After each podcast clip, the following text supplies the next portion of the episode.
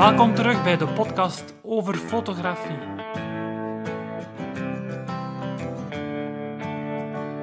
De Nederlandstalige podcast, volledig gewijd aan fotografie.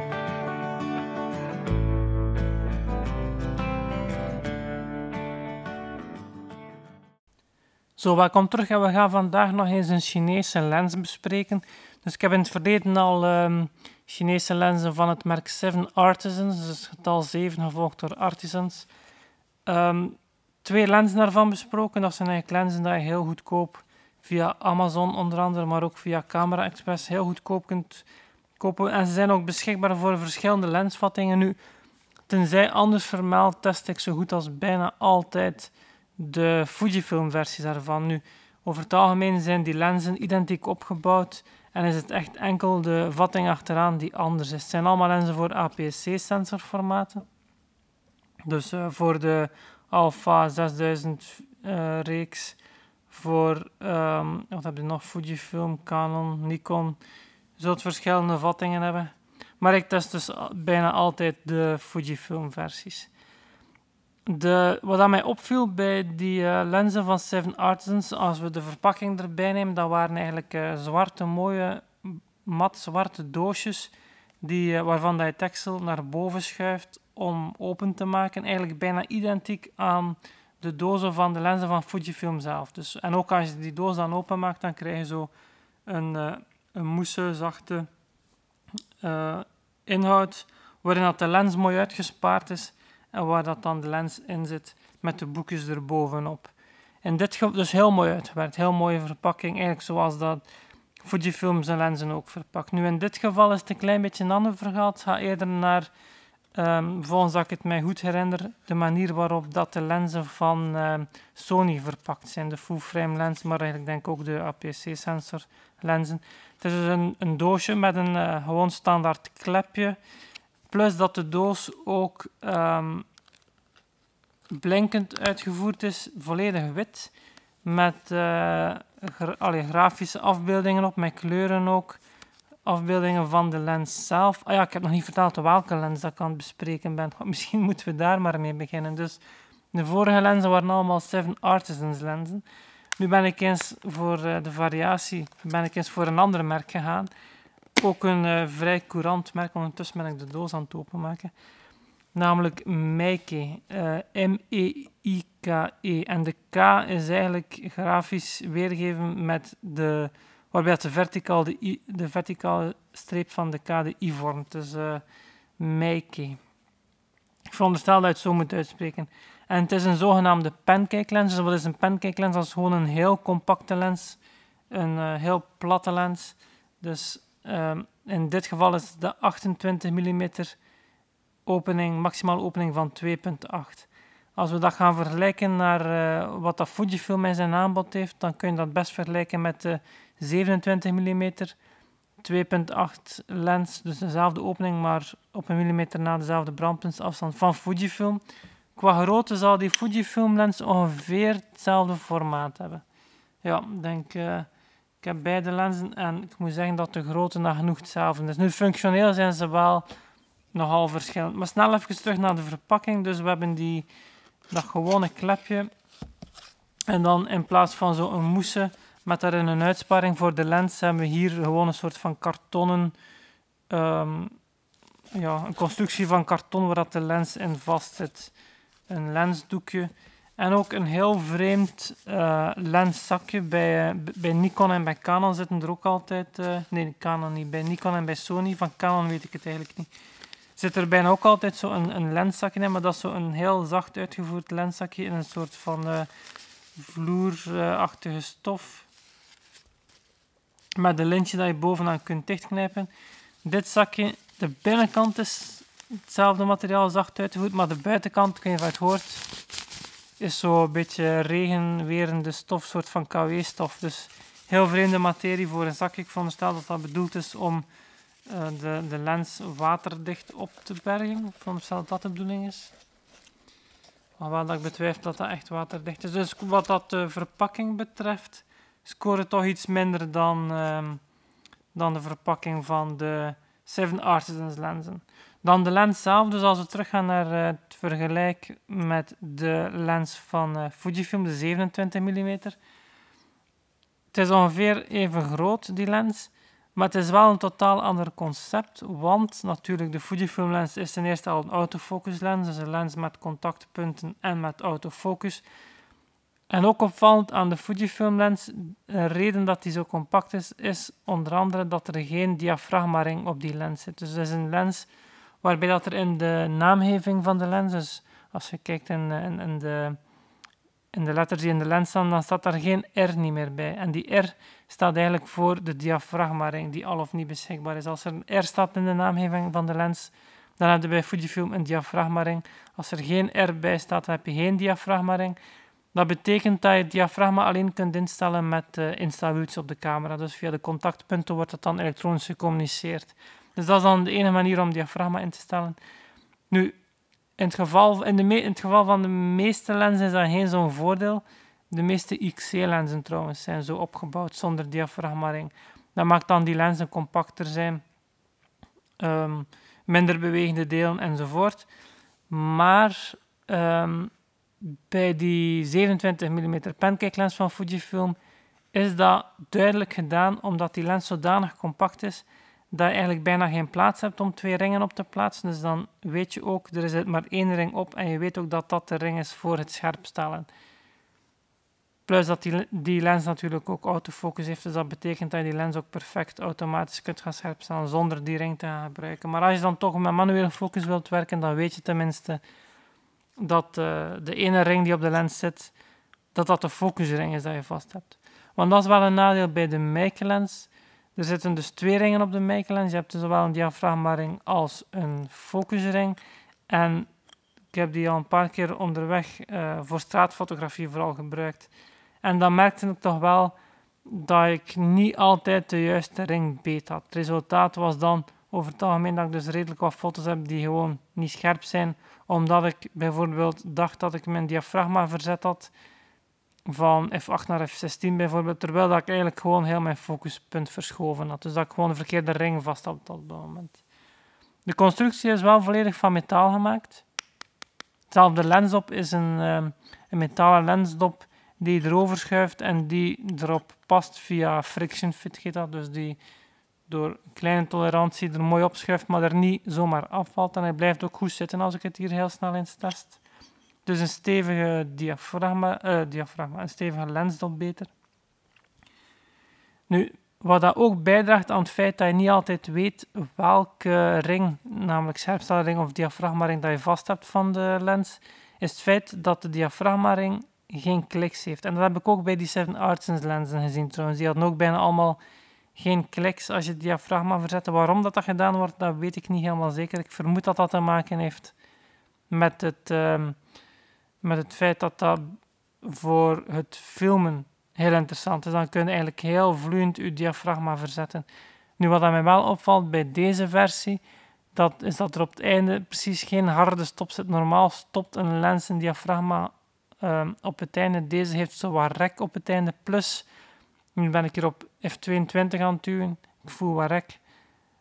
En ik zie zelf, als ik er doorkijk, het diafragma nog bewegen als ik... Um, als ik het een beetje bijduw. Maar nog opvallender is als ik de lens volledig open zet. En dan ga ik even stil zijn dat het hopelijk hoort.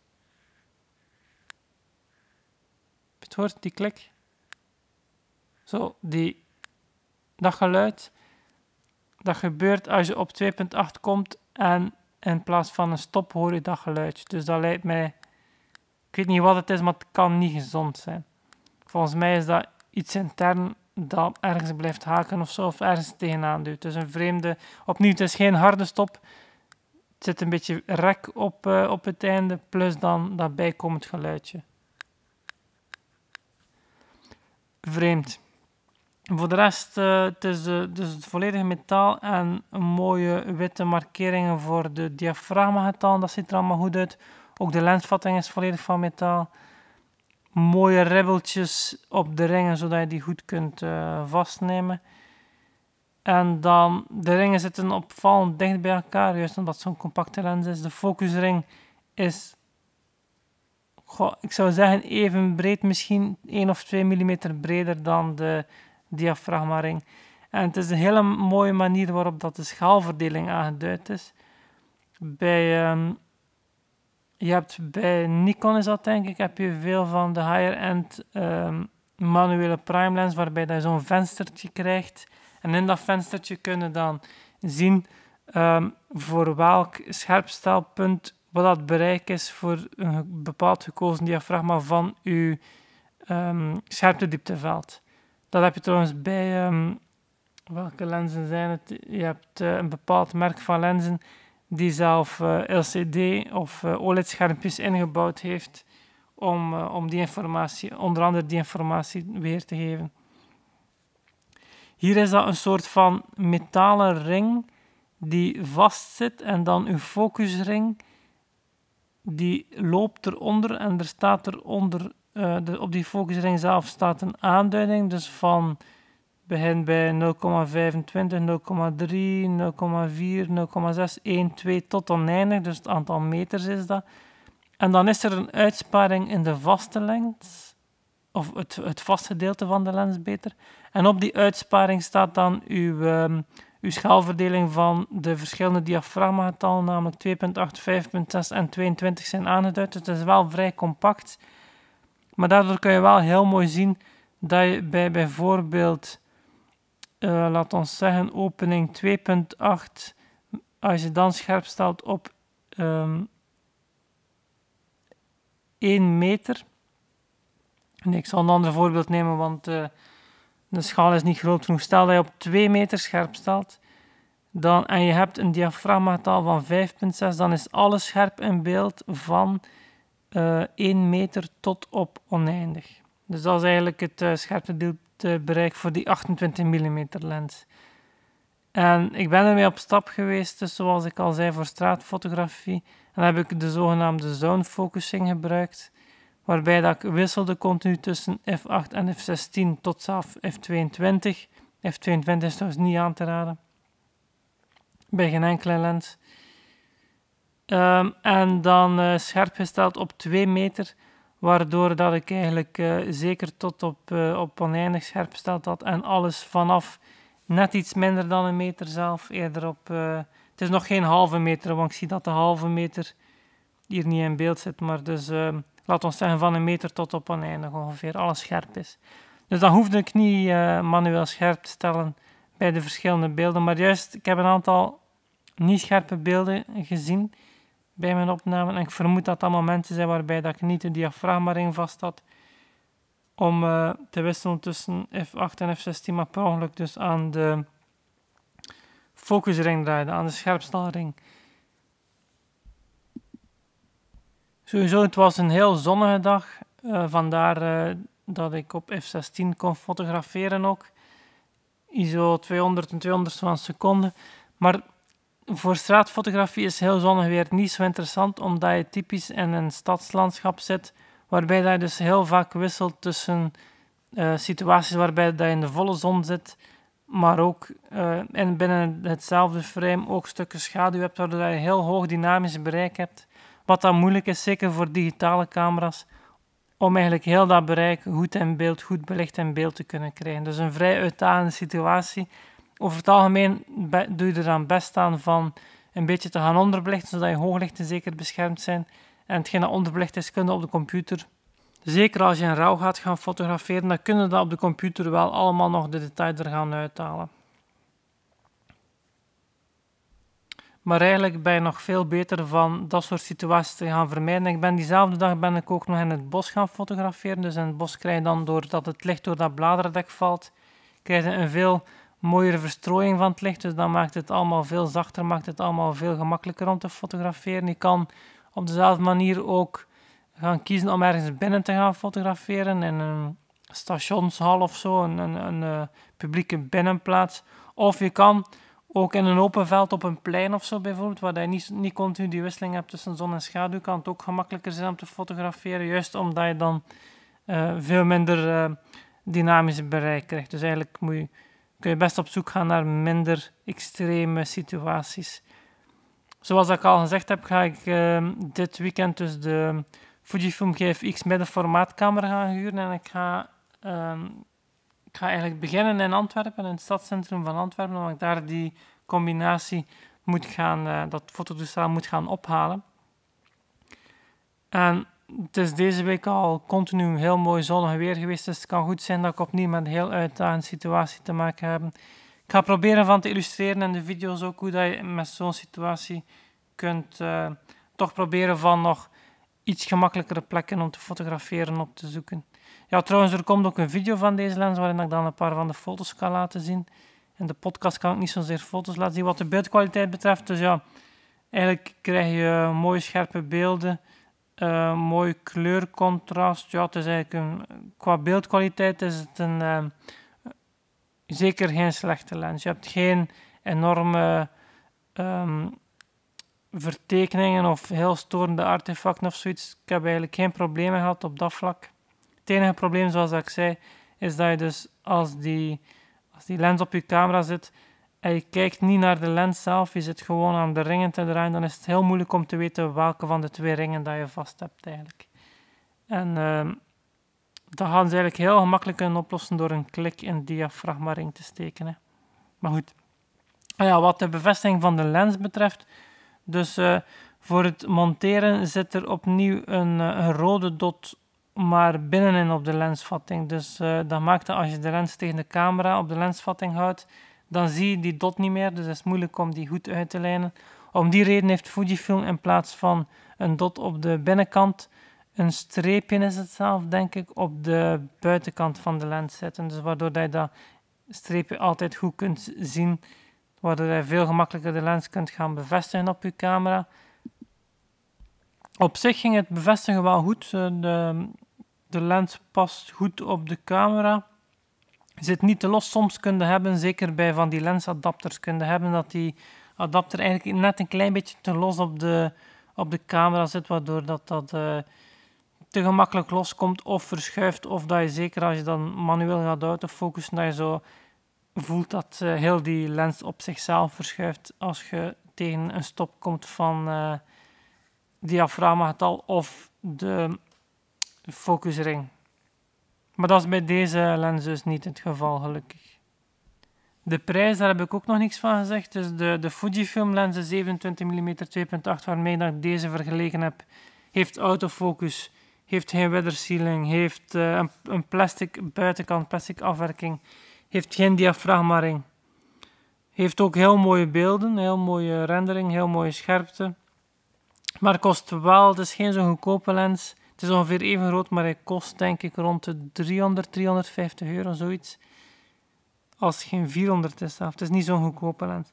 Terwijl dit is een lens opnieuw van, uh, net zoals die Seven Artisans lens. En ik denk dat deze 125 euro kost, iets in die zin. Dus de troeven van deze is de volledige metalen constructie. De, je kan trouwens ook heel dicht op je onderwerp gaan, zie ik nu. Het staat hier als minimum scherpstelafstand op de lens staat er aangeduid 0,25. Dus dat betekent dat je op 25 van 25 centimeter van je onderwerp een foto kunt gaan maken. Dat is echt wel vrij dicht. Ik denk niet dat de uh, Fujifilm lens zo dicht kan. Uh, metalen constructie dus, dus die... Uh, ja, op de diafragmaring na uh, stevig aanvoelt, gemakkelijk te verzetten is, vloeiend beweegt. En ook heel mooie beelden oplevert eigenlijk. Hè. Zou ik de lens durven aanraden? Ik vind het moeilijk. Ik vind juist omdat ik um, op onderweg zoveel moeite had om de juiste ring vast te pakken, dus om de juiste instelling te verrichten en daardoor redelijk wat foto's misgelopen heb, zou ik durven neigen naar de Fujifilm lens. Maar aan de andere kant, ja, veronderstel ik wel als ik met deze lens elke dag, dag in dag uit oefen en daarmee bezig ben, dat ik op den duur ook wel leer van de juiste ring vast te pakken. En als je echt uh, voor een minimum aan, aan uh, budget een, uh, een interessante compacte lens wilt, ja, dan, is dat, dan kun je daar niet omheen dat dat eh, toch wel veel waar is voor, voor dat kleine bedrag. Er zit ook een, natuurlijk een, een, uh, een, een kapje bij voor de achterkant af te schermen als je die weglegt, de lens. Een aanrader, maar als je het budget hebt, zou ik eh, eerder de Fujifilm lens nemen. Het is wel gemakkelijk om autofocus te hebben. Hè. Zo, dat was het weer voor deze aflevering. Eh, dus zoals gezegd, ik kijk heel erg uit naar dit weekend. Eigenlijk een uh, heel weekend op stap met ehm, GFX van Fujifilm. Dus een, ik verwacht er heel veel van. Zeker luisteren, er komen verschillende afleveringen. Ik zal zien hoe ik het ga opsplitsen. Er gaan zeker verschillende video's komen van de camera. Ik weet nog niet of het de moeite is om van die camera ook verschillende podcasts te maken. Of podcastafleveringen beter te maken. Dat zal een beetje afhangen van hoeveel content ik uh, eromheen kan maken. Het kan zijn dat ik uh, mij beperk tot, uh, tot een review in een enkele podcastaflevering. En dat ik voor de rest van de beleving van de GFX digitale middenformaat camera, dat ik daarvoor verwijs naar, uh, naar mijn YouTube kanaal. Bedankt voor het luisteren. Zo, dat was het weer voor deze aflevering van de podcast over fotografie. Allemaal bedankt om te luisteren. Ja, als er vragen zijn, dan uh, mag je die altijd, of opmerkingen of uh, voorstellen van bepaalde onderwerpen of suggesties, wat dan ook. Je mag die allemaal doorsturen via e-mail naar hans.hcpl.be. Dus Hans is mijn voornaam. Uh, eh, HCPL spel je Hotel Charlie Papa Lima. En .be is uh, de domeinnaam voor België. Dus uh, altijd welkom. Ik doe mijn best om alles te lezen en te beantwoorden. En indien mogelijk verwerk ik natuurlijk ook alles graag in de podcast. En dan zal ik je naam zeker, je voornaam zeker vermelden. Dus uh, toen zei hij natuurlijk vraagt om anoniem te blijven. Dus dat was het voor deze aflevering. Bedankt voor het luisteren en graag tot de volgende.